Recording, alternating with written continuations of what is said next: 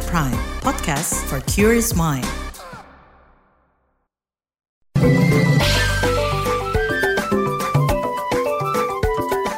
WhatsApp Indonesia. WhatsApp Indonesia, kita mulai dari kabar pemilu.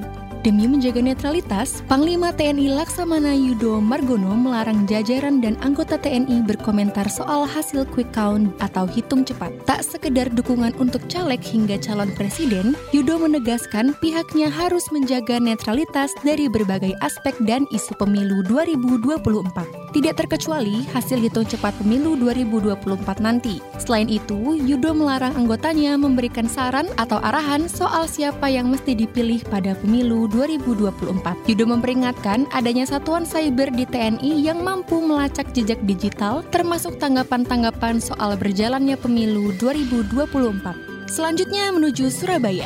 Akhir-akhir ini Surabaya dihebohkan dengan kasus dokter gadungan. Ini diungkap langsung oleh perwakilan manajemen RSPHC Surabaya, Dadik Dwirianto. Dadik mengungkap pelaku bekerja sebagai hiperkes full-timer di klinik K3 PT Pertamina 4 Cepu. Klinik ini berada di bawah PT Pelindo Husada Citra atau induk perusahaan RSPHC. Dadik mengatakan pelaku memalsukan identitas yang didapat dari media sosial Facebook. Bermodalkan identitas palsu palsu, dokter gadungan ini bekerja sebagai dokter selama 2 tahun. Tapi Dadik memastikan dokter gadungan ini hanya memeriksa pegawai bukan masyarakat umum. Kasus ini terungkap usai pihak RS melakukan proses perpanjangan kontrak.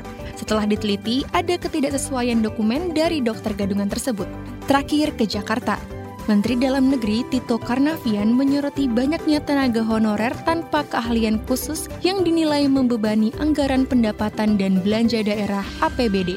Tito mengungkap adanya dugaan pekerja honorer memiliki hubungan keluarga dengan eks-tim ses, kepala daerah atau pejabat setempat, hingga mereka yang tidak memiliki kemampuan bisa bekerja di instansi pemerintahan. Menurut Tito Karnavian, selama ini pendapatan dan belanja daerah sebagian besar terbebani dengan belanja pegawai, mulai dari gaji, tunjangan, hingga gaji honorer. Tak hanya gaji dan tunjangan, anggaran daerah juga didominasi dana operasional pegawai. Tito menyayangkan daerah-daerah yang terkesan mengesampingkan anggaran belanja modal untuk pembangunan. Kata dia, belanja modal yang betul-betul menyentuh kebutuhan rakyat seperti untuk membangun jalan, jumlahnya diperkirakan hanya 15 hingga 20 persen dari total anggaran daerah.